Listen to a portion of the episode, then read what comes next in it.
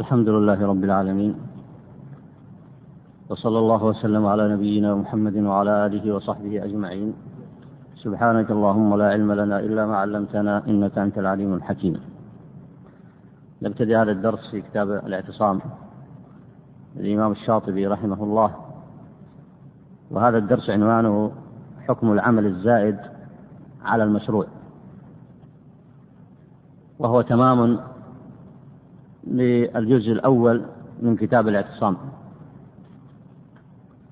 ويتعلق بهذا الموضوع مباحث كثيرة ذكرها المصنف هنا منها ما مر معكم نظيره ومنها تفريعات فقهية ذكرها المصنف ليبين ما يتعلق من أحكام بهذا الباب. والمقصود أن العمل الذي يزيد على ما شرع الله عز وجل ورسوله صلى الله عليه وسلم فإن هذا العمل قد قسمه المصنف إلى أقسام. وقد مضى معكم الأقسام السابقة وسيجدد الكلام في الزيادة إذا كانت وصفا للعمل إما بالقصد أو بالعادة وإما بالشرع. وسيذكر لهذا أمثلة من باب العبادات وأمثلة في المعاملات وسيتكلم عن سد الذريعة.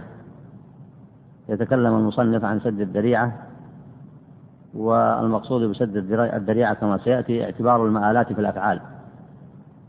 أي أن هذا الفعل إن كان يؤدي في مآله أي في منتهاه. إلى مخالفة للشرع فحينئذ فإن الفقيه والناظر ينظر إليه من خلال هذه النتيجة. معنى اعتبار مآلات الأفعال أي أن الفعل في أصله يكون مشروعا لكن تنضاف إليه أعمال تنضاف إليه مقاصد تخرج منه نتائج بسبب ما يضيفه المكلف إما من خطأ في التطبيق وإما من زيادة غير مشروعة.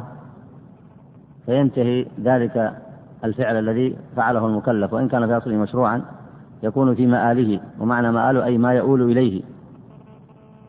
أي ما يؤول إليه يؤدي إلى مناقضة قصد الشارع.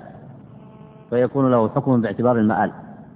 فيكون له حكم باعتبار المآل وسيذكر المصنف أمثلة على هذا.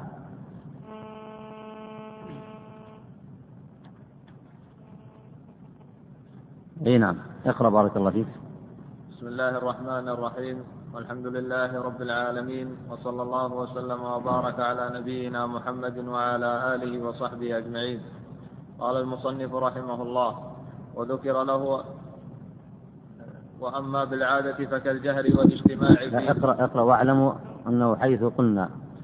واعلموا أنه حيث قلنا إن العمل الزائد على المشروع يصير وصفا لها أو كالوصف فإنما يعتبر بأحد أمور ثلاثة. إما بالقصد وإما بالعادة وإما بالشرع. أما بالقصد فظاهر بل هو أصل التشريع في المشروعات بالزيادة أو النقصان.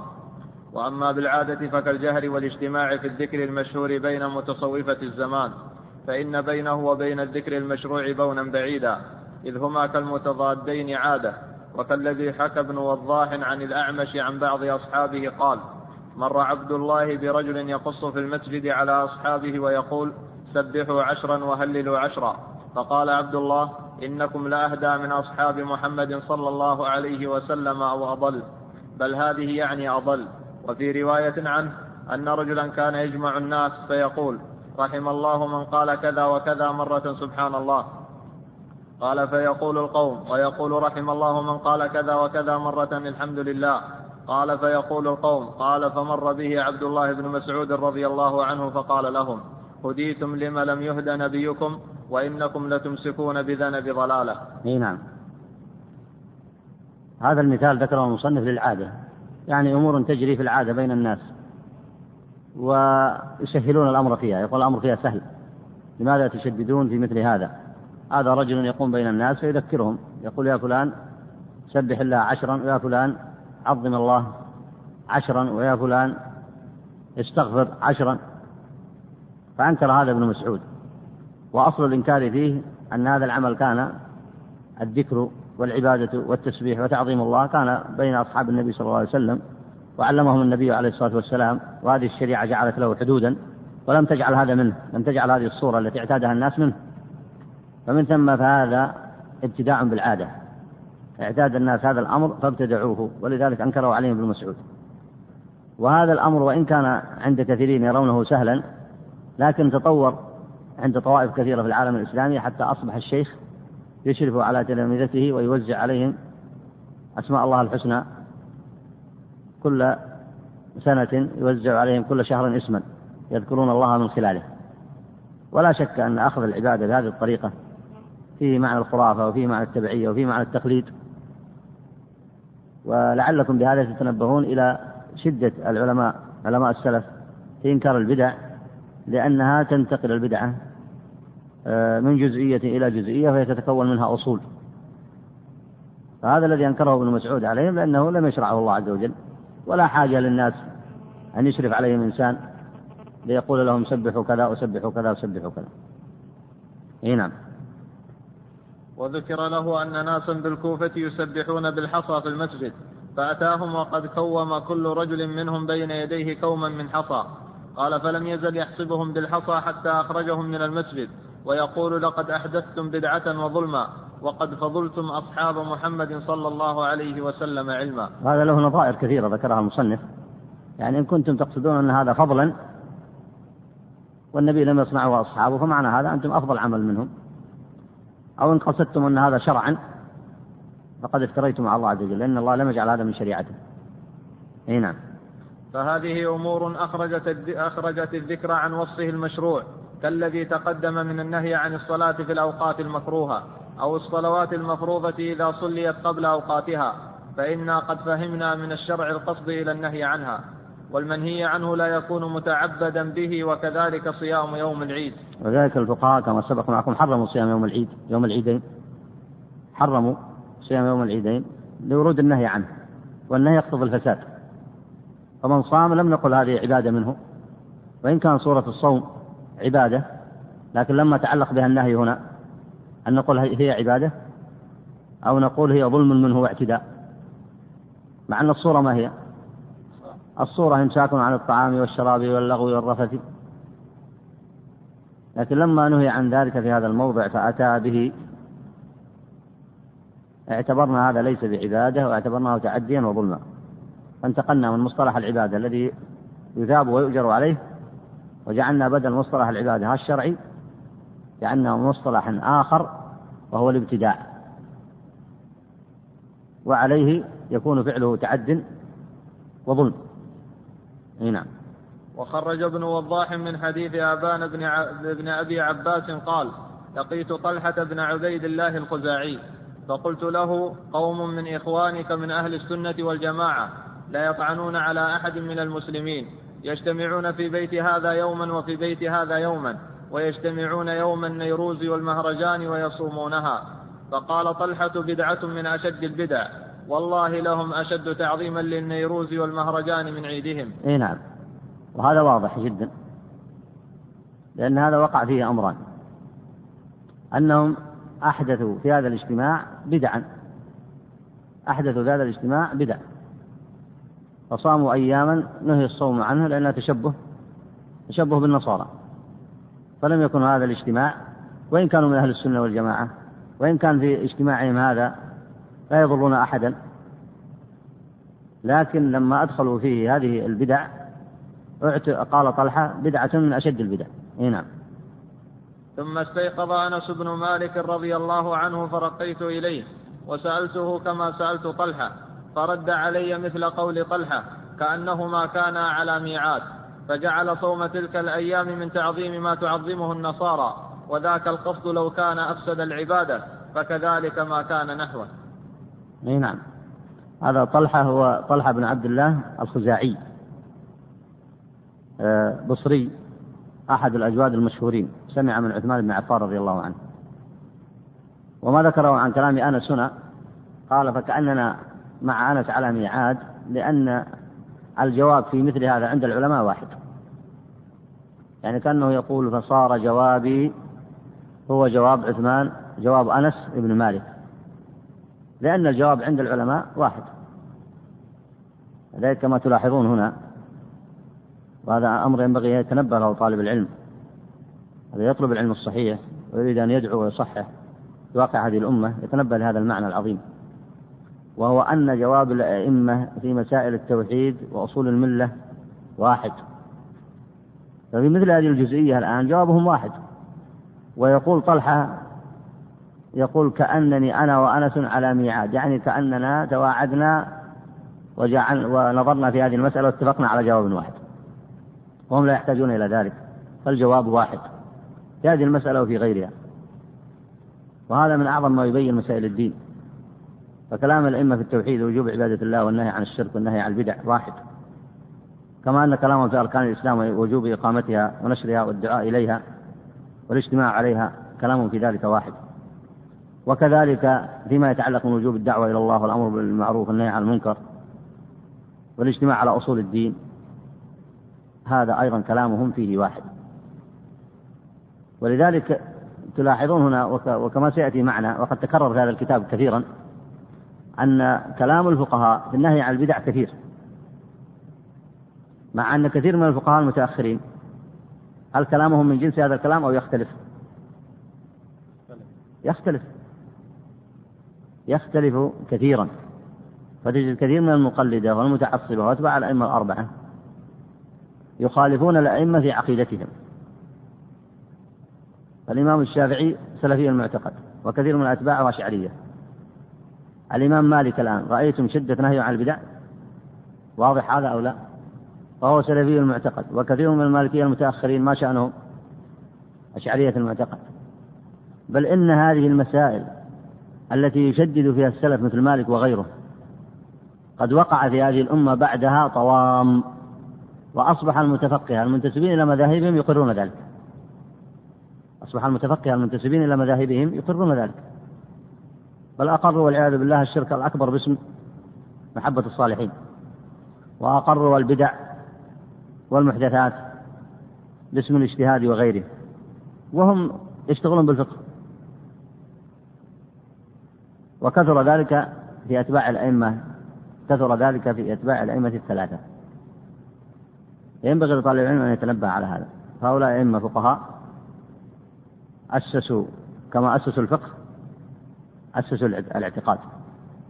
وكما علموا الناس الاعتقاد الصحيح والفقه علموا الناس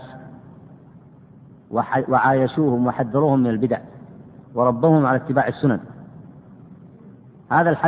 هذه القصة إذا قرأتها يتبين لك هذا. فهو يجالس قوما وينظر في وجه الابتداع الذي ابتدعوه ثم يناقشهم ثم يبين لهم ثم يبين ارتباط كلامه كلام طلحة بابن عبد الله بكلام أنس بن مالك. هذا كله تربية ومعايشة للناس. لأنه لو لم يعايش الناس لما اطلعوا على هذه البدع.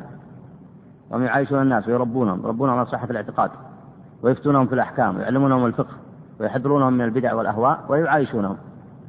هذه طبيعة الأئمة أئمة السلف المشهورين. ينبغي لطالب العلم أن يتنبه إلى ذلك بخلاف كثير من المتفقهة في آخر الزمان. فقد يكونوا هم بل هم فعلا سبب في كثير من البدع التي انتشرت بين العوام. فضلا أن يربوا العوام أو يعلموهم التوحيد أو يعلمونهم السنة أو يقومون فيهم بخير. فينبغي أن أن يفرق الإنسان في هذه الأمور وهذه من التغيرات التاريخية العجيبة التي حدثت في العصور المتأخرة ولم تكن في واقع الأمة. ولذلك كثير من الناس في الدعوة المعاصرة قد لا يلتفت للانتفاع من الفقهاء لأنه يقيسهم بأي فقهاء؟ بأكثر المتفقهة في العصور المتأخرة. هذا خطأ. بل هؤلاء بل هؤلاء الأئمة المشهورين وتنبهوا لما يكثره الإمام الشاطبي عن الإمام مالك في النهي عن البدع. بل هؤلاء الأئمة المتقدمون أمثال مالك وغيره وأحمد والشافعي وغيرهم من أئمة السلف هؤلاء أئمة في العقيدة وفي التربية وفي الدعوة في معايشة الخلق وفي نصرة السنة وفي القيام بالحق. وأحرى بالدعوة الإسلامية أن تستفيد منهم. تنظر في مناهجهم وتستفيد من, من, من ذلك استفادة عظيمة. إيه نعم. وعن يونس بن عبيد أن رجلا قال للحسن يا أبا سعيد ما ترى في مجلسنا هذا؟ قوم من أهل السنة والجماعة لا يطعنون على أحد. نجتمع في بيت هذا يوما وفي بيت هذا يوما. فنقرأ كتاب الله وندعو لأنفسنا ولعامة المسلمين. قال فنهى الحسن عن ذلك أشد النهي. إيه لا نعم. لأن قراءة القرآن لم يكن هذا معروفا في عهد النبي عليه الصلاة والسلام. نعم يجتمع الناس لمصالحهم يجتمع الناس للنظر في مسائل العلم. يجتمع الناس لمصالحهم الدنيوية أو الأخروية. لكن بهذه الطريقة الموجودة هنا خاف الحسن أن يستتبعوا بعدها أشياء. فإنهم يجتمعون فقط لمجرد قراءة القرآن. وليس يجتمعون لأخذ العلم على وجهه الصحيح. فخشي عليهم أن يفهموا القرآن على غير فهمه. وأن ينزلوا آياته على غير معناها.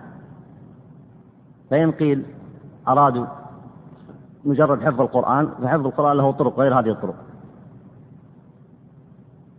فإن هذا الاجتماع إن لم يكن على علم فإنه يخشى من مغبته. إذا قال قائل القرآن أليس بعلم؟ إن سأل أحدكم فقال القرآن ليس بعلم؟ فنقول نعم القرآن علم. لكن لمن تعلمه؟ لكن لمن تعلمه؟ ولذلك من المسائل المهمة في التربية التي ذكرها الفقهاء. قالوا يتعلم القرآن أولا يحفظ القرآن أو يتعلم العلم. ويرد عليه السؤال السابق أليس القرآن علما؟ فلماذا هذه المقابلة؟ سأل رجل الإمام أحمد قال أتعلم القرآن؟ أحفظ القرآن أو أتعلم العلم؟ فقال أتعلم العلم. هذه مناهج تربوية عظيمة. ينبغي للدعاة وطلاب العلم أن يقفوا عندها وقفات فجاء رجل آخر يسأل وهذه وردت في في في مسائل الإمام أحمد. يسأل بعض أصحابه قال أحفظ القرآن أو أتعلم العلم؟ قال احفظ القرآن. والجواب كما يظهر لكم الآن متناقض. لكن لا تناقض فيه. قال أصحاب الإمام أحمد وغيره أما الأول فهو محتاج لتعلم العلم وقد لا يدرك حفظ القرآن إلا وقد وقع في أمور تضره.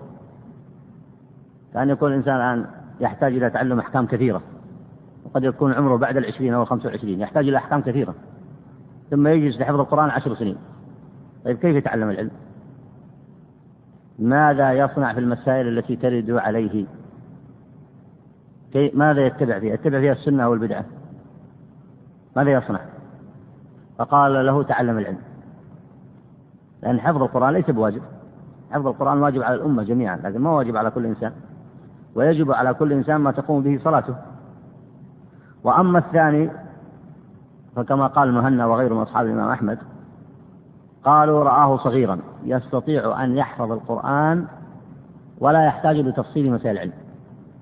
فقال له احفظ القرآن أي ثم تعلم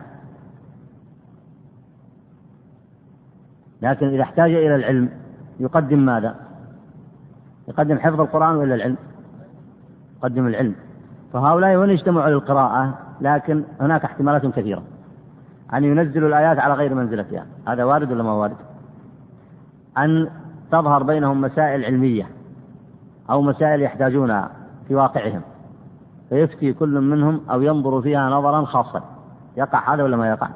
وعلى غير علم. فإن لم يكن على على غير علم سيكون على أي شيء؟ إن لم يكن على علم سيكون على أي شيء؟ على جهالة. ومن ثم اجتماعهم هذا من حيث المآلات والاعتبارات. يرجى له خير أو يخشى منه؟ يخشى منه. هذا وجه تعليل الحسن بذلك. قال فنهى الحسن عن ذلك أشد النهي.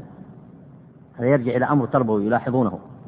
ومبني على ما ذكرته لكم في مسألة آه، حفظ القرآن تقديم حفظ القرآن أو تعلم العلم.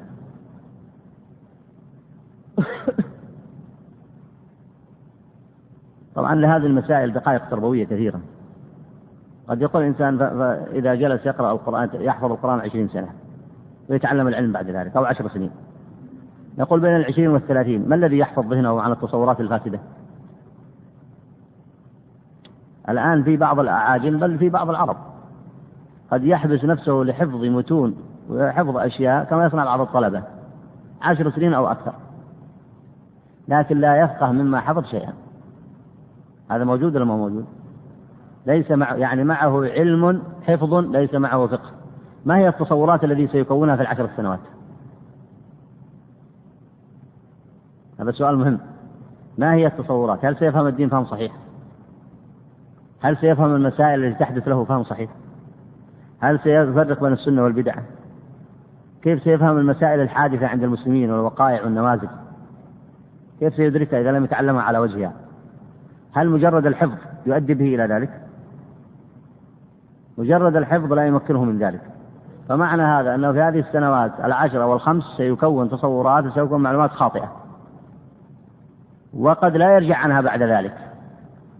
ومن ثم نظر الفقهاء في هذه المسألة نظر دقيق. قالوا يتعلم لأنهم يعتبرون تعلم العلم واجب وحفظ القرآن ليس بواجب. فإن قال لك إنسان تعلم حفظ القرآن علم ونقول علم لمن فقهه. لكن لمن لم يفقهه هو حفظ مجرد حفظ. له أجر الحسنة بالقراءة وله أجر الحفظ وله وله البركة من من حفظه. لكن إن لم يتعلمه قد يضرب بعضه ببعض ويقطع ما أمر الله به أن يوصل. فهذا معنى مهم في مسائل التربية والتفقه. أي نعم.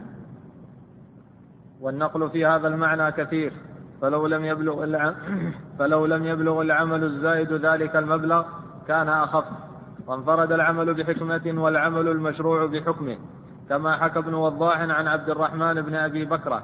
قال كنت جالسا عند الأسود بن سريع وكان مجلسه في مؤخر المسجد الجامع فافتتح سورة بني إسرائيل حتى بلغ وكبره تكبيرا فرفع أصواتهم الذين كانوا حوله جلوسا فجاء مجالد بن مسعود متوكئا على عصاه فلما رآه القوم قالوا مرحبا اجلس قال ما كنت لأجلس إليكم وإن كان مجلسكم حسنا ولكنكم صنعتم قبلي شيئا أنكره المسلمون فإياكم وما أنكر المسلمون. فتحسينه المجلس كان لقراءة القرآن وأما رفع الصوت فكان خارجا عن ذلك فلم ينضم إلى العمل الحسن حتى إذا انضم إليه صار المجموع غير مشروع. والنتيجة يصير أنه وإن قال أصل عملكم حسنا وهو القراءة لكن من انضم إليه ليس بحسن. فتصبح النتيجة ما هي؟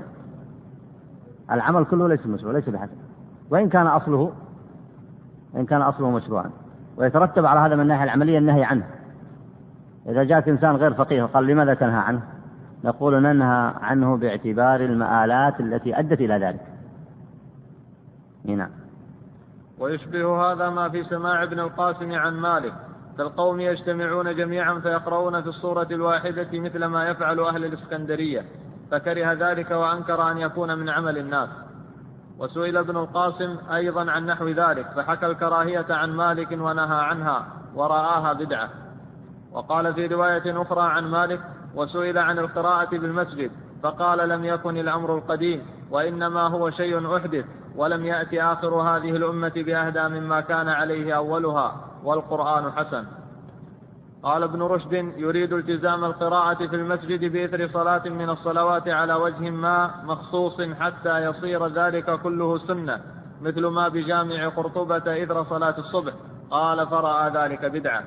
إي نعم. يقرأ يجي إنسان فيقرأ للناس بعد صلاة الصبح القرآن. أو أنه يأتي قبل صلاة الجمعة والناس السنة المطلوب منهم في السنة ما هو؟ التبكير لصلاة الجمعة. ثم ماذا يصنعون؟ ثم يصلي كل منهم ما كتب الله له أن يصلي كما ورد في الآثار من فعل السلف فعل الصحابة. يصلي اثنتين ثلاث تسليمة تسليمتين ثلاث تسليمات أربع تسليمات. يتنفل قبل الزوال. ما شاء الله له. فيتركون هذه السنن ويأتون بقارئ. يقرأ على الناس حتى يأتي الإمام بالخطبة. إذا حدث هذا في المجامع ودخل الناس ماذا سيقولون؟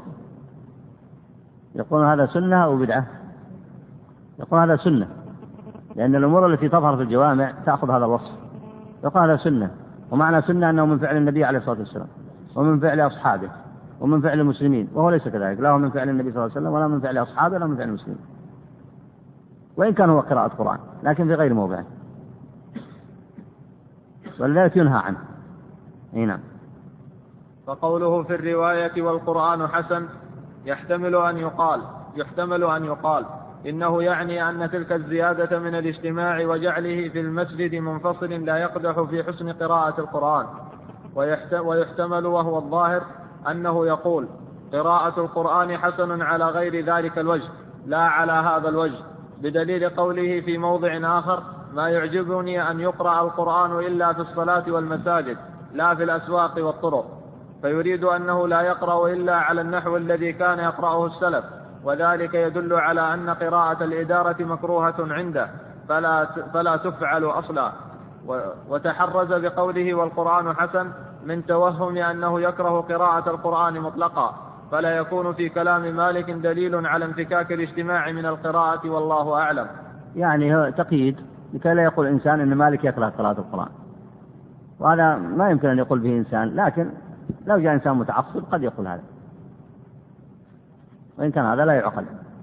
أما القراءة بالإدارة فقد سبق الكلام فيها الدرس الماضي. أما قول مالك لا يقرأ القرآن إلا في الصلاة والمساجد لا في الأسواق والطرق هذا له وجهة نظر قوية فيه. لأن كثير من المتسولين أين يقرأون القرآن؟ قد يقرأونه في الطرقات. فالقرآن لم لم توضع قراءته في لمثل هذه المقاصد ولا في مثل هذه الأمكان وأيضا في الأسواق إذا قرأ القرآن من سيستمع له؟ من الذي سيستمع له؟ إي نعم وأما القسم الثالث وهو أن يصير الوصف عرضة لأن ينضم إلى العبادة حتى يعتقد فيه أنه من أوصافها أو جزء أو من أوصافها أو جزء منها فهذا القسم ينظر فيه من جهة النهي عن الذرائع وهو إن كان في الجملة متفقا عليه متفقا عليه ففيه على التفصيل نزاع بين العلماء. أعد القراءة. اعتقد فيه أنه من أوصافها أو جزء منها. إيه نعم. إذ ليس كل ما هو ذريعة إلى إلى ممنوع يمنع بدليل الخلاف الواقع في بدليل الخلاف الواقع في بيوع الآجال وما كان نحوها غير أن أبا بكر الطرطوشي يحكي الاتفاق في هذا النوع استقراء استقراء من مسائل من مسائل وقعت للعلماء منوها سدا للذريعة. منعوها. منعوها سدا للذريعة. وإذا ثبت الخلاف في بعض التفاصيل لم ينكر لم ينكر أن يقول به قائل في بعض ما نحن فيه. ولنمثله أولا ثم نتكلم على حكمه بحول الله. يأتي المصنف بأمثلة آه، كثيرة لهذا. وكلام الطرطوشي هنا لأن الاستقراء يدل عليه لا يتعلق بالمثال الفقهي الذي ذكره بيوع الآجال. بيوع الآجال مقصود بها بيوع الأجل بيع التقسيط لا يقصد هذا وإنما يقصد القاعدة سد الذريعة. والذريعة في اللغة هي الموصلة إلى الشيء. الذريعة في اللغة هي الموصلة إلى الشيء. وسدها منعها. فإذا أوصل تصرف الإنسان وإن كان في أصله مباحا إلى ذريعة إلى مفسدة إذا كان ذريعة إلى مفسدة فإنه ينهى عنه. وإن كان في أصله مباحا. وأبرز مثال عند أهل العلم مشهور لهذه القاعدة هذه من القواعد المذكورة يذكرونها في الفقه. من أبرزها ما ورد في الصحيح أن النبي صلى الله عليه وسلم قال لعائشة لولا أن قومك حديث عهد بجاهلية لهدمت البيت وبنيته على قواعد أبي إبراهيم عليه السلام. فإن البيت كان مبنيا وكان الحجر الموجود الآن داخل في البيت في عهد أبينا إبراهيم عليه السلام. وكان له بابان. باب شرق شرقي وباب غربي. وكان ملصقا بالأرض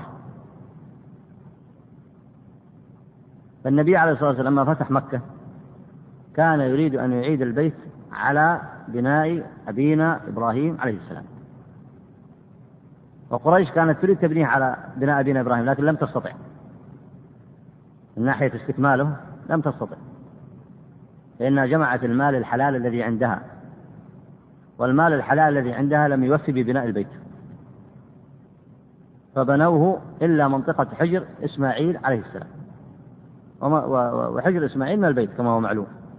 لا تصلى فيه إلا النافلة. والطواف لا بد أن يكون من الأركان الأربعة المعروفة اللي يدخل فيها الركن الشمالي. فلا بد من استيفاء الأركان الأربعة في الطواف.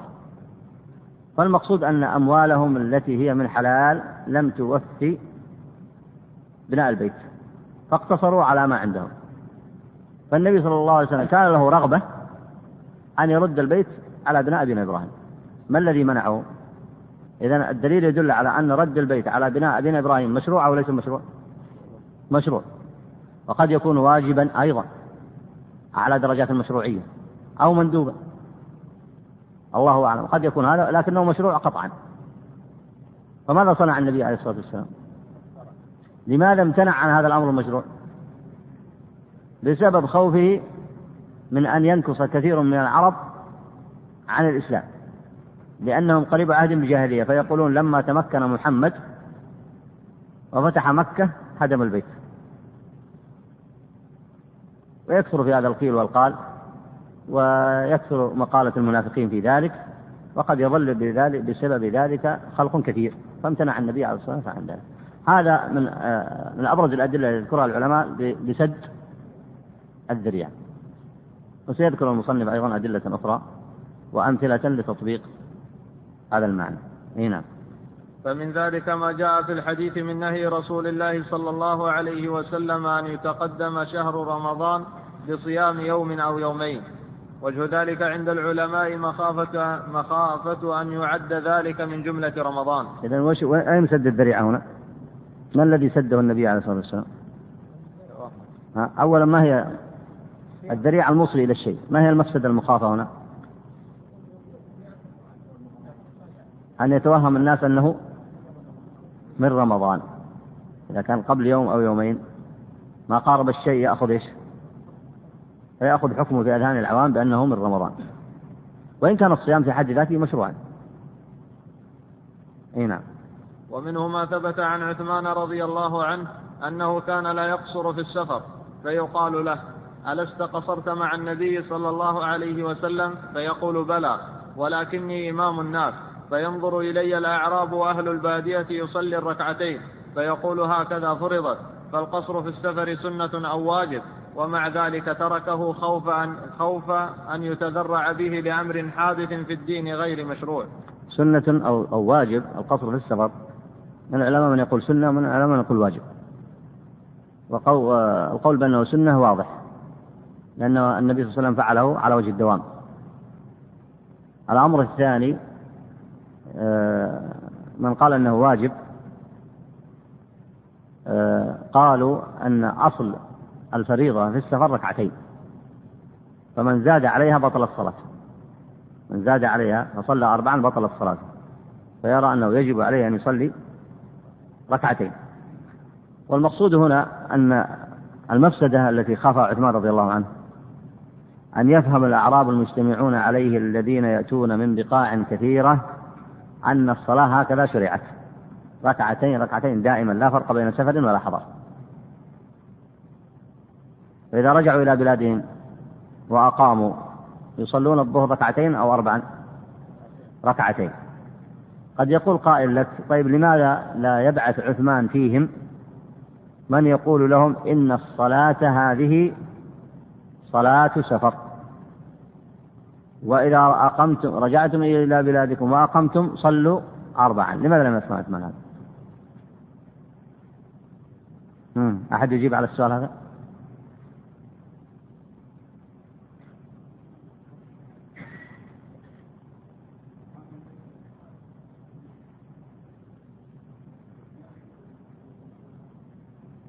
إي نعم. أحسنت. قال احتمال أنهم لا يستوعبون المسألة. هذا واحد. طبعا في احتمال آخر. أنه لا يبلغهم النذير المعلم أو المعلم لا يبلغهم لا يبلغهم صوته أو أن بعضهم لا يبلغهم ذلك. كل هذا وارد. فخاف عثمان من ذلك فصلى بهم أربعا. ولإمكان حل هذه المسألة بأكثر من وسيلة الصحابة خالفوا عثمان في هذا. فكأنهم أرادوا منه أن يصلي ركعتين ولا يصلي أربعا ثم ينظرون بعد ذلك الوسيلة التي ترفع المحظور بالنسبة لمن؟ بالنسبة للأعراض على أي حال عذره أهل العلم في مثل هذا لأنه اجتهد فيه تطبيقا لقاعدة سد الذريان. أه باقي السؤال المتعلق بهذا الموضع. المناسب أن يقول المصنف ومنه ما ثبت عن عثمان رضي الله عنه أنه كان لا يقصر في السفر ولا أن يقول لا يقصر في في منى ما المناسب أن يقول هذا؟ لماذا أن أن المناسب أن يقول في منى ولا يقول مطلقا في السفر؟ هم.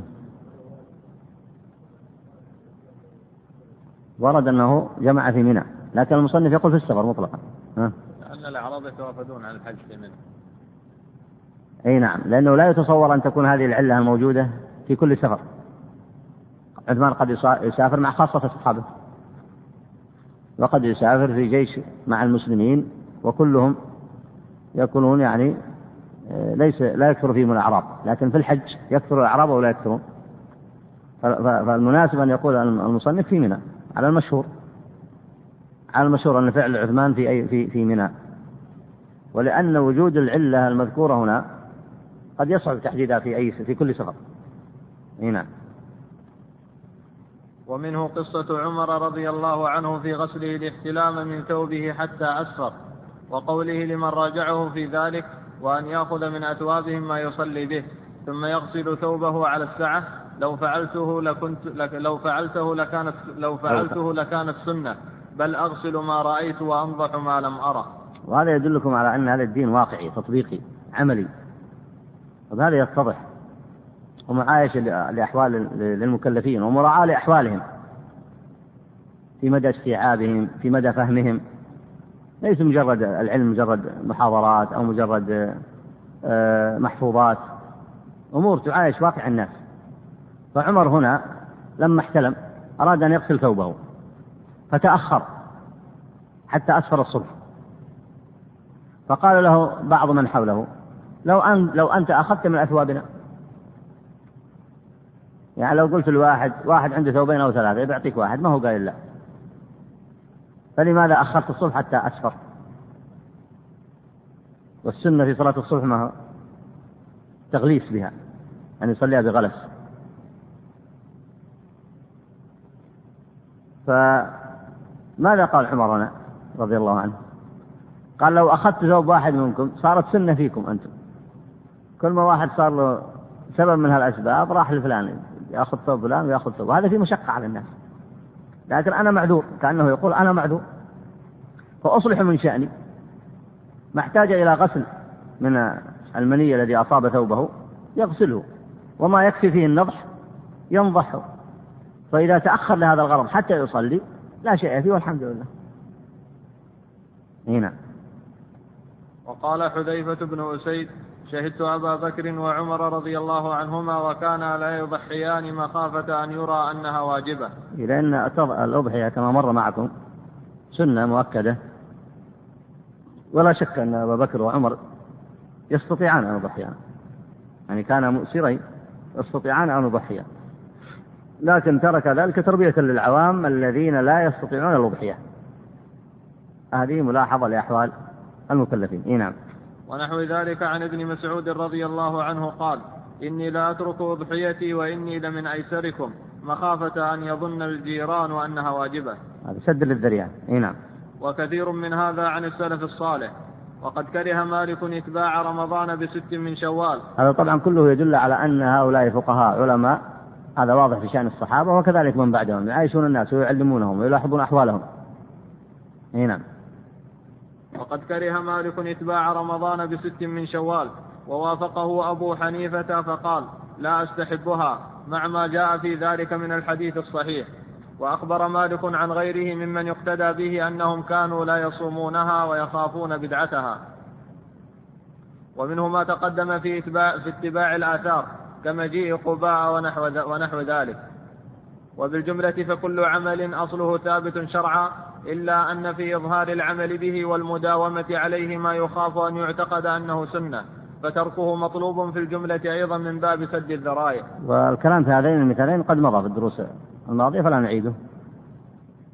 وظهر عذر الإمام مالك في هذا وأن بعض الناس يلحقون الست برمضان وقد ثبت هذا في كثير من البلاد حتى أنهم يلحقون الست برمضان ولا يصلون العيد إلا في اليوم السابع من شوال. ولهذا ينبغي أن تنظر في كلام أهل العلم وتضع كل كلام في موضعه. إي نعم. وكأنه إنما أنكر ذلك ملاحظة لأحوال المكلفين. وأنت لو, جاء لو, لو كنت في بلاد لو سافرت مثلا ونزلت في بلد من البلدان. وصار الناس يلحقون الست في رمضان وكثر هذا فيهم ويؤخرون العيد إلى السابع من شوال ماذا تصنع فيهم؟ ما حيلتك فيهم؟ كيف تربيهم؟ كيف تعلمهم؟ ماذا تصنع؟ نقلوا هذا الأمر الذي هو سنة كما ورد في حديث أبي أيوب الأنصاري أن رسول الله صلى الله عليه وسلم صام قال من صام رمضان ثم أتبعه ست من شوال فكأنما صام الدهر نقلوا هذه السنة إلى أن تصبح واجب وترتب على الوجوب تأخير العيد وترتب على إدخال أن يدخل في رمضان ما ليس في رمضان النبي لما خاف أن يدخل اليوم من شعبان آخر يوم من شعبان وقبله يدخل في رمضان ماذا قال النبي صلى الله عليه وسلم؟ نهى عن الصيام أو لا؟ فهذا من جنس هذا والله أعلم. إي نعم. ولذلك كره مالك دعاء التوجه بعد الإحرام وقبل القراءة وكره غسل اليد قبل الطعام وأنكر على من جعل ثوبه في المسجد أمامه في الصف. كل هذا سدا للذريعة كل هذا حتى لا يظن الناس أن هذا من السنن التي يجب القيام بها. إيه نعم. ولنرجع إلى ما كنا فيه. فاعلموا أنه إن ذهب مجتهد إلى عدم سد الذريعة في غير محل النص مما يتضمنه هذا الباب. فلا شك أن العمل الواقع عنده مشروع ويكون لصاحبه أجره. ومن ذهب إلى سدها ويظهر ذلك من كثير من السلف من الصحابة والتابعين وغيرهم فلا شك أن ذلك العمل ممنوع. ومنعه يقتضي بظاهره أنه ملوم عليه وموجب للذنب إلا أن يذهب إلى أن النهي فيه راجع إلى أمر مجاور فهذا محل نظر واشتباه. ربما يتوهم فيه انفكاك الأمرين بحيث يصح أن يكون العمل مأمورا به من جهة نفسه ومنهيا عنه من جهة معاله أي نعم. حاصل ما يريد المصنف هنا أن يقول أن كثيرا من المسائل التي فيها سد ذرائع فيها اشتباه. يعني محتمل يقع فيها قولان للمجتهد. ومحتمل أنت أيضا يصير عندك فيها نظران مختلفان أو تخالف غيرك في هذه المسألة. فترى أنها تسد الذريعة لوجود المفسدة وغيرك يرى أنه ليس هناك مفسدة ويمكن أن يكون هناك وسيلة لسد المفسدة غير هذا. يعني مثلا في مسألة آه، غسل اليد قبل الطعام. ممكن يأتي إنسان فيقول هذا ما في مفسدة وهذا صحيح. لأن هذا أبعد عن أن يظن الناس أن هذا من السنن. وقد يأتي إنسان آخر عنده ناس يكثر فيهم التعبد فيظنون أن هذا ها من السنن فينهى عنه. فأنت لم تنهى عنه لأنك لم ترى أن في, هذا يؤدي إلى مفسدة. وغيرك ينهى عنه لأنه يرى أنه يؤدي إلى مفسدة فهذا محل اشتباه ونظر ولذلك يمكن أن يقع الخلاف في مثل هذا. وعلى هذا فعندك يصبح الأمر لا ينهى عنه لأنه مباح ويصبح عند غيرك غير مباح فيدخل في غير المشروع فينهى عنه. إي نعم. ولنا فيه مسلكان.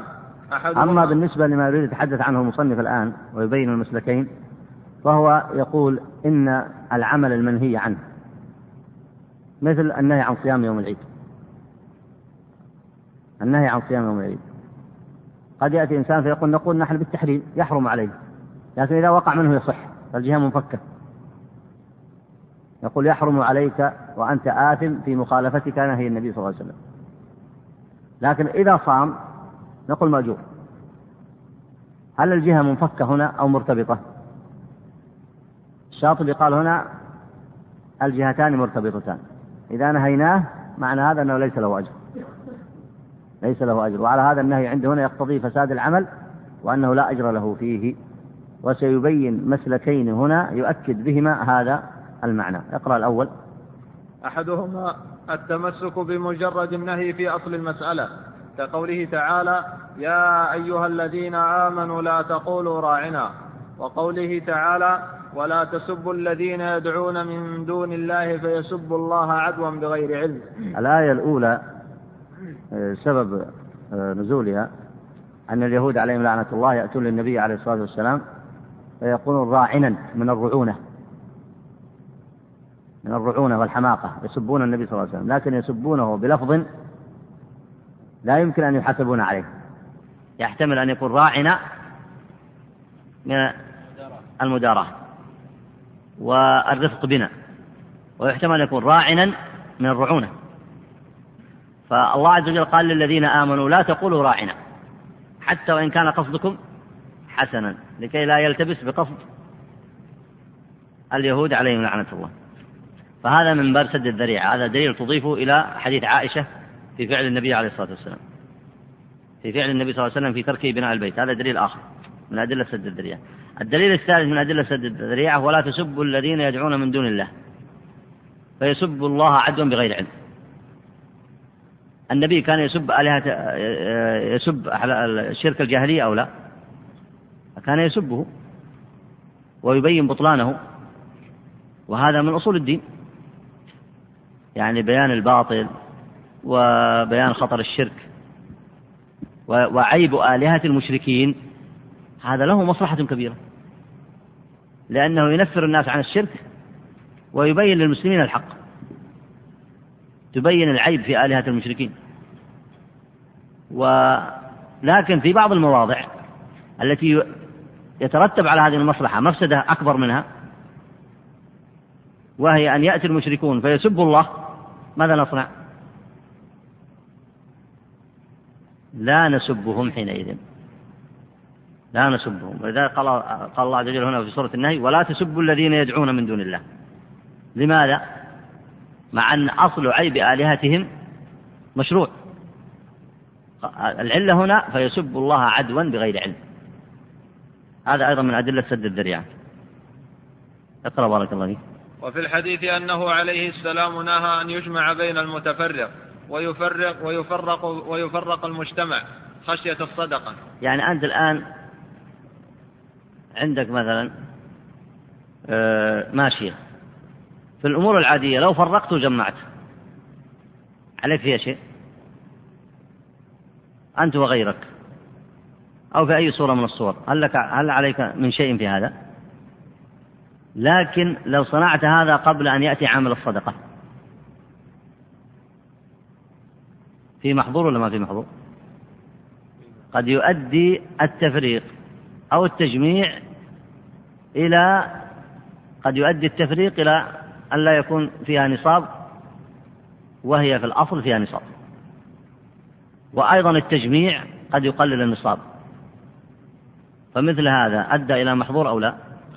فنهى النبي عن ذلك. فنهى النبي عن ذلك. هذا أيضا من أدلة سد الذريعة. أي نعم. ونهى عن البيع والسلف وعلله العلماء بالربا المتدرع إليه في ضمن في ضمن السلف. ونهى عن الخلق إيه لأنه هنا يدخل الربا على العقد بخلاف بيوع الآجال التي سبق التي أشار إليها المصنف وإن لم يسبق الكلام فيها. لكن بيع الأجل الذي ذكره المصنف من العلماء من اعتبره منهيا عنه من باب سد الذريعة. والذريعة المتخوف منها ما هي هنا؟ بيع الأجل بيع التقسيط. أنه يزاد عليه من أجل تأخير الوقت. فمن هنا نهوا عن ذلك بعضهم نهى عن ذلك لكن الصحيح والله أعلم هو كلام الجمهور في عدم النهي عنه. لأنه فرق بينه وبين صورة الربا. وأذكر فرقين هنا. الفرق الأول أن بيع الأجل ليس فيه اشتراط زيادة. هذا واحد. ليس فيه اشتراط. ليس فيه اشتراط الزيادة. ولو فيه اشتراط الزيادة بعد تمام العقد وبعد السداد لو لم يسدد زيد عليه لكان صورة الربا. لكن في هذه الصورة في هذه الصورة ليس فيه اشتراط زيادة. لأن العقد يقع بصورة واحدة من أول الأمر. يقع بصورة واحدة.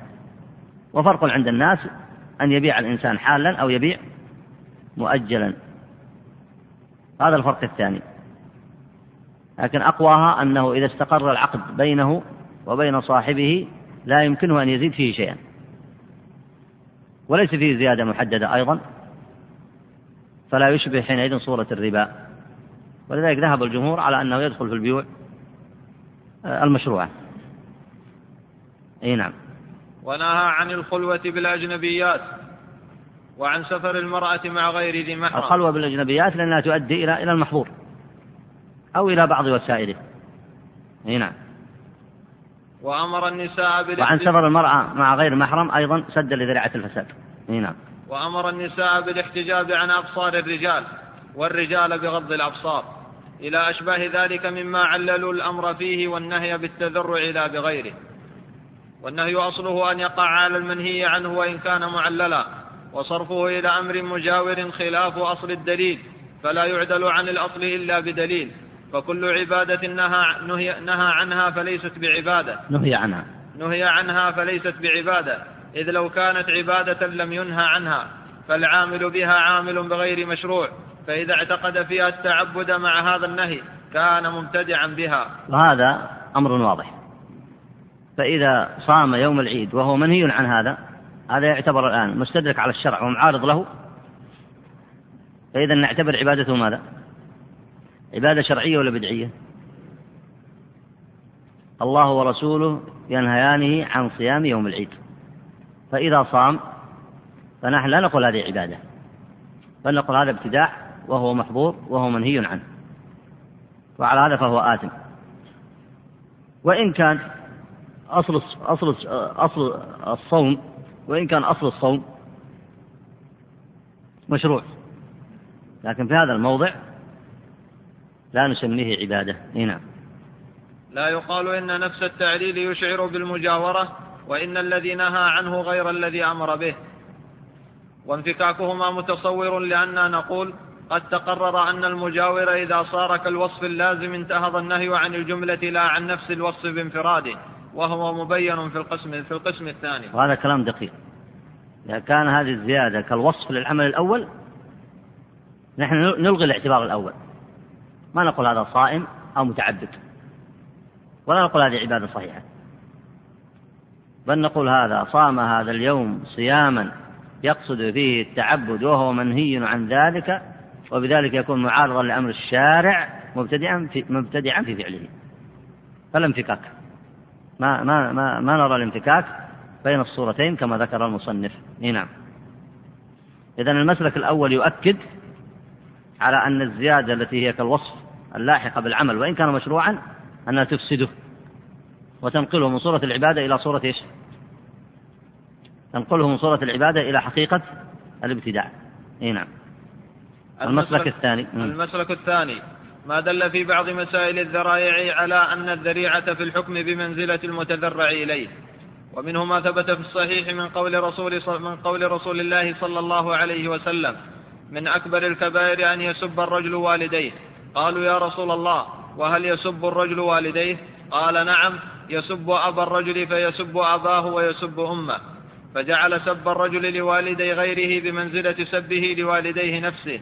حتى ترجم عنها بقوله أن يسب الرجل والديه ولم يقل أن يسب الرجل والدي من يسب والديه أو نحو ذلك وهو غاية في معنى ما نحن فيه. ما شاء الله.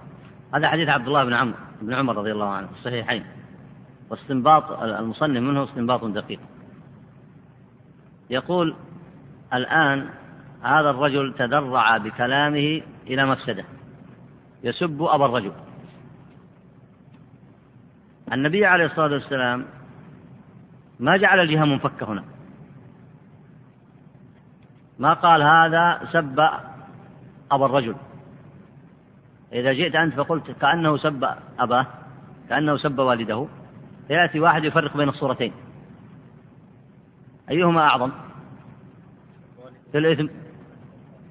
سب الرجل لوالده. وهنا ماذا صنع؟ سب والده ولا سب غيره؟ فلماذا اعتبر سب غير والده هو سب لوالده؟ مع أن الثانية أعظم في الإثم. سدا للذريعة. سدا للذريعة. فكأن الصورة الأولى مع أنها أخف من الثانية نقل النبي الحكم فيها لأي شيء؟ للصورة الثانية. فإذا هو يأخذ أي الإثم أي إثم هنا؟ يلحقه أي إثم؟ إثم سب والده ولا سب غير والده؟ إثم سب والده مع أنه لم يسب والده وإنما سب إيش؟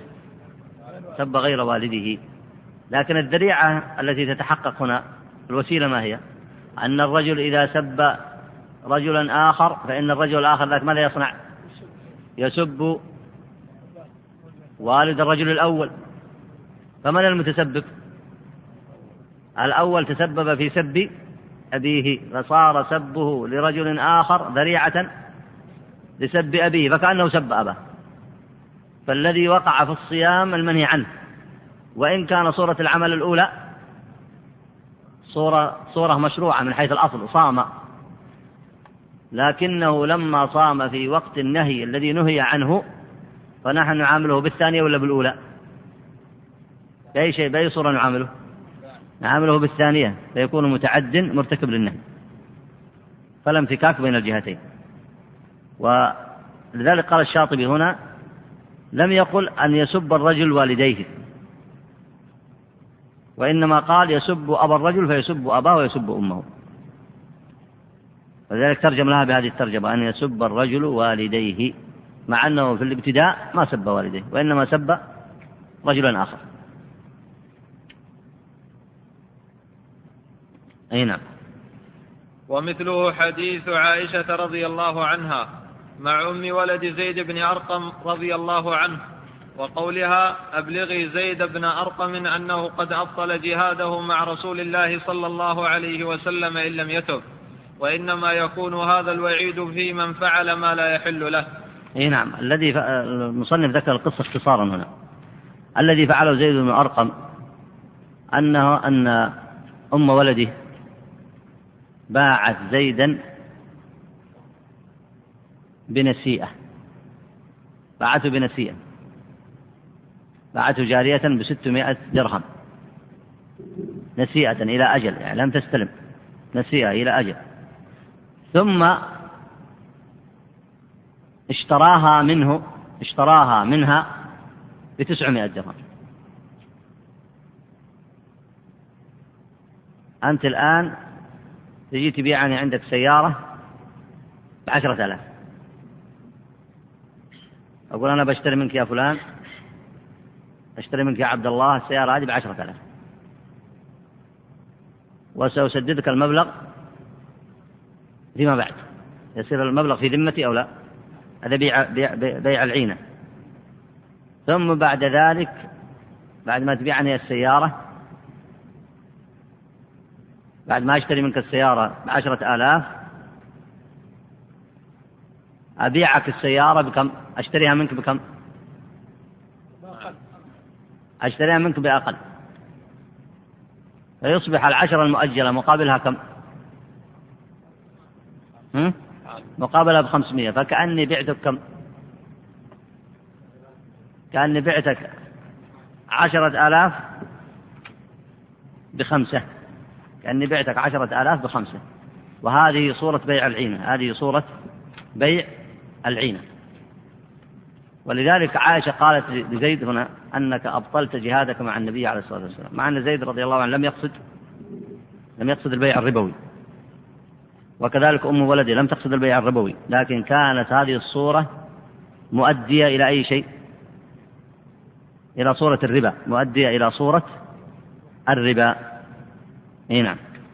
وإنما يكون هذا الوعيد في من فعل ما لا يحل له لا ممن فعله كبيرة حتى نزعت آخرا بالآية. فمن جاءه موعظة من ربه فانتهى فله ما سلف. يعني لما لما علم زيد بكلام عائشة رضي الله عنها أنها قالت أبطل جهاده بكى رضي الله عنه وتأثر تأثرا بليغا فجاء إلى عائشة فذكرته بآخر الآية في سورة الربا في آيات الربا. الذين يأكلون الربا لا يأكلون إلا كما لا يقومون إلا كما يقوم الذي يتخبطه الشيطان من المس. ذلك بأنهم قالوا إنما البيع مثل الربا وأحل الله البيع وحرم الربا. فمن جاءه موعظة من ربه فانتهى فله ما سلف. فذكرته عائشة لما جاء تائبا ذكرته بآخر الآية. ومعنى حتى نزعت أي استدلت. استدلت بآخر الآية. قال الشاطبي وهي نازلة في غير العمل بالربا. الآية في العمل بالربا.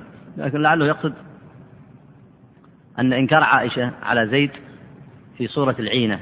والعينة ليست هي صريح الربا لكنها مؤدية إلى الربا. لكنها مؤدية إلى الربا. كيف تكون مؤدية إلى الربا الآن؟ ليست هي عين الربا وإنما هي مؤدية إلى الربا. الربا الصريح تأخذ عشرة آلاف بعشر آلاف وخمسمائة هذا الربا صورة الربا مال بمال بزيادة إلى أجل لكن فعل زيد الآن هل هو صورة هل هو حقيقة الربا؟ يعني هل هو الربا الصريح ولا وسيلة إلى الربا؟ كيف يكون وسيلة؟ وباع أم ولده. ماذا باعها؟ باعها عبدا بثمانمائة نسيئة. باعها عبدا بثمانمائة نسيئة. واشترته منه باعت باعت زيدا عبدا بثمانمائة نسيئة. واشترته منه بستمائة نقدا. فصار الذي في يدها كم؟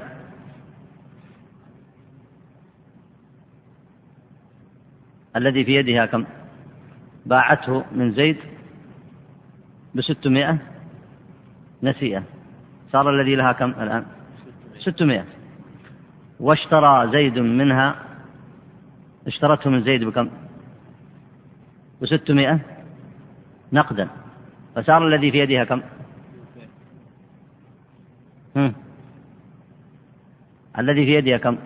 اشترته منه بستمائة نقدا. اشترته منه بستمائة نقد اللي تحصلت عليها الآن كم؟ ستمائة واللي لها في ذمة زيد كم؟ ثمانمائة فصار المقابل كم الآن؟ في هذا العقد؟ ستمائة بثمانمائة ستمائة بثمانية يعني الآن أخذت ستمائة وتدفع كم فيما بعد؟ تدفع كم؟ ثمانمائة فكأن الستمائة بكم؟ بثمانمائة لو جاء إنسان الآن منك أخذ منك ستمائة ريال أعطيته ستمائة بثمانمائة. صورة حقيقة الربا أو لا؟ فصورة هذا العقد وهو عقد يسميه العلماء بيع العينة صورته وسيلة وذريعة إلى أي شيء؟ إلى الربا. ولذلك شددت القول في عائشة رضي الله عنها على زيد ولا شك أنه محرم عند أهل العلم. محرم لأنه مؤد إلى الوقوع في الربا المحظور. إي نعم.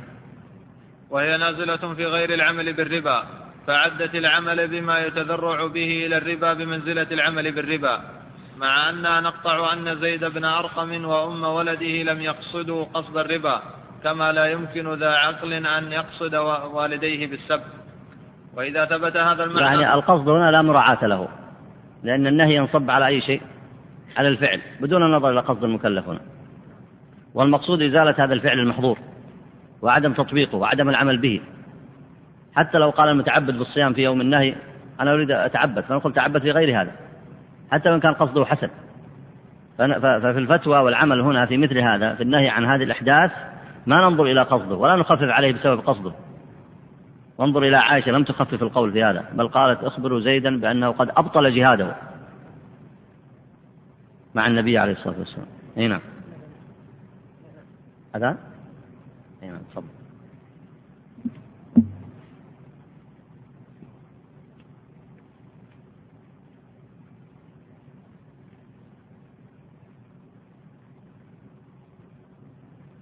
إي نعم اقرأ. وإذا ثبت هذا المعنى في بعض الذرائع ثبت في الجميع إذ لا فرق فيما لم يدع مما لم ينص عليه إلا ألزم الخصم مثله في المنصوص عليه. فلا عبادة فلا عبادة فلا عبادة أو مباحا يتصور فيه أن يكون ذريعة إلى غير جائز إلا وهو غير عبادة ولا مباح. أي نعم. وإن كان في أصله عبادة أو مباح لكن انتقل بسبب إضافات المكلف وعمل المكلف وابتداع المكلف انتقل وأدى إلى مفسدة بسبب من ضاف إليه من أعماله فإنه حينئذ لا يسمى عبادة ولا يسمى ولا يسمى مباحا. وهذا إنما يكون في النظر إلى مجموع العمل. إنما يكون في النظر إلى أي شيء؟ إلى مجموع العمل. أي نعم.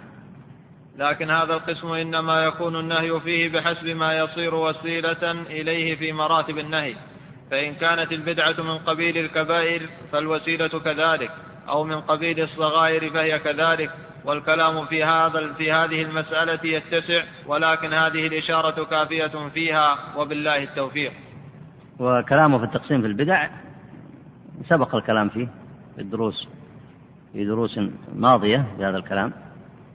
ويقصد المصنف أن الكلام يتسع في هذا لأن قاعدة سد الذرائع العلماء جعلوا لها أبوابا خاصة في الفقه وفرعوا عليها فروعا كثيرة وفيها رسائل علمية أيضا متخصصة في هذا وهي من القواعد الذي ينبغي أن يعنى بها طالب العلم. يتأمل فيها ويدرس الفروع التي تنبني عليها. والمصنف هنا آه، رحمه الله أكثر من الفروع وبين هذه القاعدة وطبقها بخصوص هذا الكتاب. وإلا فإن لها آه، مسائل أخرى تتعلق بالفروع بالنسبة لأعمال المكلفين. لكن هنا طبقها بخصوص موضوع هذا الكتاب وهو النهي عن الابتداع. فجزاه الله خيرا وأعظم أجره. ونكتفي بهذا المقدار. ونصلي ونسلم على نبينا محمد وعلى آله وصحبه أجمعين.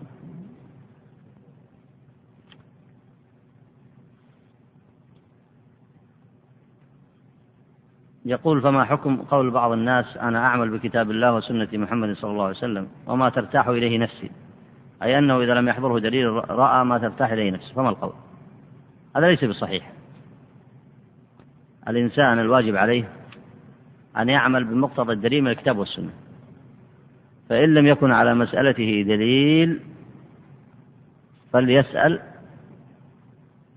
ويتعلم ويبحث عن دليل الشرعي ولا يجوز له أن يعمل بمجرد الاتفاق بما يناسبه. هذا لا يجوز. بل هذا عمل بالهوى. وإن زعم أن في هذا مصلحة. وهذا ترجع إلى قاعدة متفق عليها عند أهل العلم. وهو أن المجتهد والعالم والفقيه لا يجوز له أن يعمل بشيء إلا باجتهاد صحيح. إلا باجتهاد. يرجع باجتهاد هذا إلى كتاب الله وسنة النبي عليه الصلاة والسلام. سواء وفق في للصواب في ذلك أم لم يوفق. لكن بمجرد التشهي لا يجوز لعالم ولا لفقيه ولا لمجتهد لا يجوز ذلك بإجماع علماء المسلمين. بل من صنع هذا يعتبر هذا فيه من رقة الديانة. يعتبر هذا فيه من رقة الديانة بل هو باب من أبواب الزندقة. لأنه كما هو معلوم إنما يحفظ المكلف اتباعه الشرع. الذي يحفظ المكلف الآن اتباعه للشرع. فأنت إنما تحفظ من هواك بسبب اتباعك للشرع وتحكيمك الكتاب والسنة على نفسك. فإذا لم تصنع ذلك فما الذي يسلمك من هواك وشهوتك؟ الإنسان هذا طاقة عجيبة. وهو إن كان خلقه ضعيف لكن بأسه شديد. وفيه من القدرة على التحايل على نفسه وعلى الخلق. وفيه أيضا آه، من الضعف بحيث يتبع الشهوات وينقاد إليها. شعر أو لم يشعر. فإذا لم يكن عليه رقيب من كتاب الله وسنة النبي عليه الصلاة والسلام فما الذي يحكمه؟ ما الذي يضبط تصرفاته؟ ما الذي يمنعه عن الشهوات والشبهات؟ ما الذي يحفظه من كيد أعدائه؟ من شياطين الإنس والجن إذا لم ينضبط في أحكام الشريعة وإذا لم يستقم على الأحكام الشرعية فإذا كان يمضي إلى ما ترتاح إليه نفسه فإنه ينتقل من حال إلى حال حتى يتبع هواه وهو يظن أنه إنما يحسن لنفسه. وهو في حقيقة وهو في حقيقة الأمر يضر نفسه ويتبع هواه سواء شعر أو لم يشعر. ويتقحم أبواب الإثم والعياذ بالله آه، بسبب أفعاله. فلا يجوز المكلف أن يقول إذا لم أجد إذا لم أعمل بالكتاب والسنة فأنا أعمل ما ترتاح إليه نفسي. لأنه يقال له حينئذ ما الحاكم عليك؟ فإن قال الحاكم عليه الكتاب والسنة سألناه في هذه المسألة التي اتبع ما يرتاح إليه نفس ما ترتاح إليه نفسه. ما الحاكم عليك في ذلك؟ فإن قال الكتاب والسنة قلنا أنت لم تعمل بالكتاب والسنة وإنما عملت بشيء هويته أنت واسترحت إليه. وعلى هذا ينبغي الإنسان في أموره الكبيرة والصغيرة أن ينبعث من الاجتهادات الشرعية. وفي هذا حتى في المسائل الصغيرة أو حتى في المسائل التي لا يتضح له شيء فيها. يتوقف يترك العمل بها حتى يبحث عن الدليل. مثلا الإنسان يريد يعقد عقد من العقود الجديدة هذه وهو ليس عنده معرفة بالكتاب والسنة وليس عنده دليل ولم يسمع فيه شيء من أهل العلم. الصحيح أنه يتوقف حتى يسأل. والأمور بالنسبة للمكلف إما أن تكون من الحرام البين فيجب عليه أن يجتنبها وإما أن تكون من الحلال البين فهي مشروعة له وإما أن يتردد كما يقول هنا ليس عنده علم فيها بكتاب الله وسنة النبي عليه الصلاة والسلام. فالواجب عليه حينئذ ألا يتبع. لا ما ترتاح إليه نفسه ولا أعراف الناس ولا آه، ما عليه كثير من الخلق وإنما يتوقف حتى يبحث عن الحق والصواب. هذا مقتضى الديانة هذا مقتضى الأمانة. ولا عليه أن يعطل هذه المصلحة أو تلك من أجل أن يبحث عن ما يرضي الله عز وجل. هذا أمر عظيم. ولذلك أنكر الله عز وجل على أقوام يتقحمون النار بسبب مثل هذه الشبهات ويتبعون أمور بغير الضابط الشرعي وماذا على الإنسان إذا آمن بالله واليوم الآخر واستقام على الشريعة وتوقف عن بعض مصالحه حتى يعرف حكم الله فيها؟ ماذا يضره؟ فينبغي الإنسان أن يتأمل هذا. ومن فوائده العملية والتربوية أنك تتعود في جميع تصرفاتك مع الناس حتى مع أهلك خاصة مع أولادك. ومع أقرب الناس لأن الإنسان مع مع أقاربه يتسامح في كثير من الأحيان وتغلبه العادة تصير أعماله بالعادات. يعني مقصد العادات يعني الأعراف يقلد الأعراف لا يقصد إن أحسن إليهم في شيء فعادة لا عبادة. وإن صبر عليهم في شيء فعادة لا عبادة. وإن أكرمهم في شيء فعن طريق العادة لا عن طريق العبادة. وإن عايشهم أو جالسهم عن طريق العادة لا عن طريق العبادة. يعني لا يشعر بمعنى طلب الأجر فيهم فيما يطعمهم في مجالستهم له. لأن الإنسان مع أقاربه تصير أعماله أقرب إلى الأمور العادية.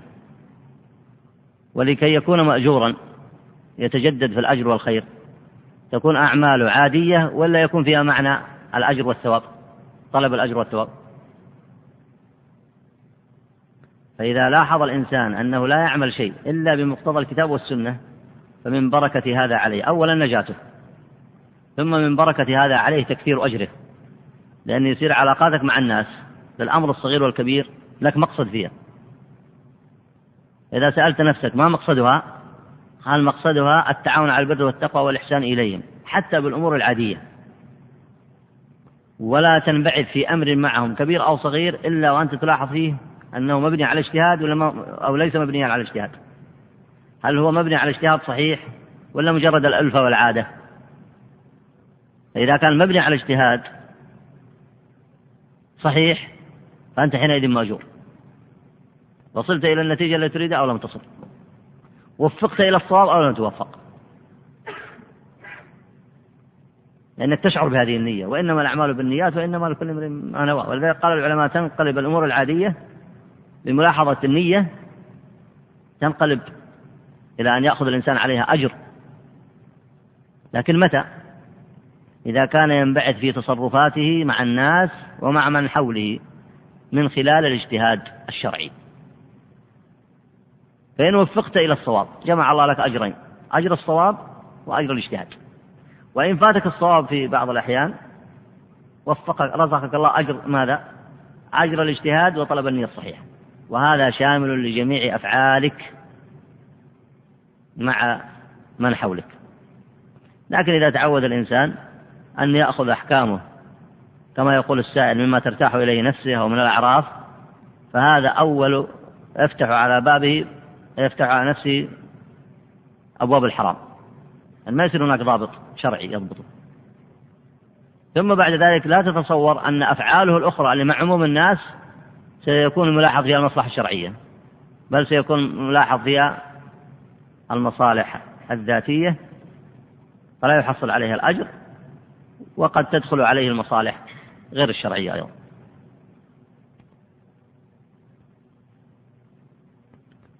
يقول حفظت آه، بعض آيات من القرآن أي ما يقارب ست أجزاء. وتراودني نفسي دائما لحفظ القرآن كاملا. وقد ذكرتم في الدرس أن طلب العلم أفضل. فبماذا تنصحونني علما أنني بلغت ما يقارب ثلاثين عاما؟ أقول لك اجمع بين الأمرين إن استطعت. اجمع بين الأمرين إن استطعت. وفرق الحفظ عليك قليلا قليلا حتى لا يشغلك عن طلب العلم.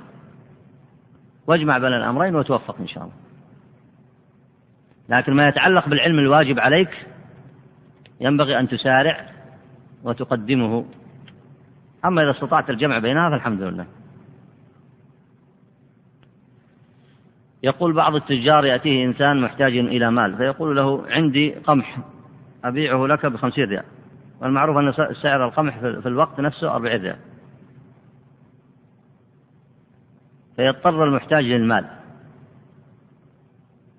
فيأخذ القمح ويبيعه بأقل لكي يفك حاجته ويسدد هذه هذا لا إشكال فيه لأنك لا تبيعه على الأول. لو كنت تبيعه على الأول كما في صورة العينة كما في الصورة السابقة فحينئذ يقع المحظور ويصير تعايل على الربا.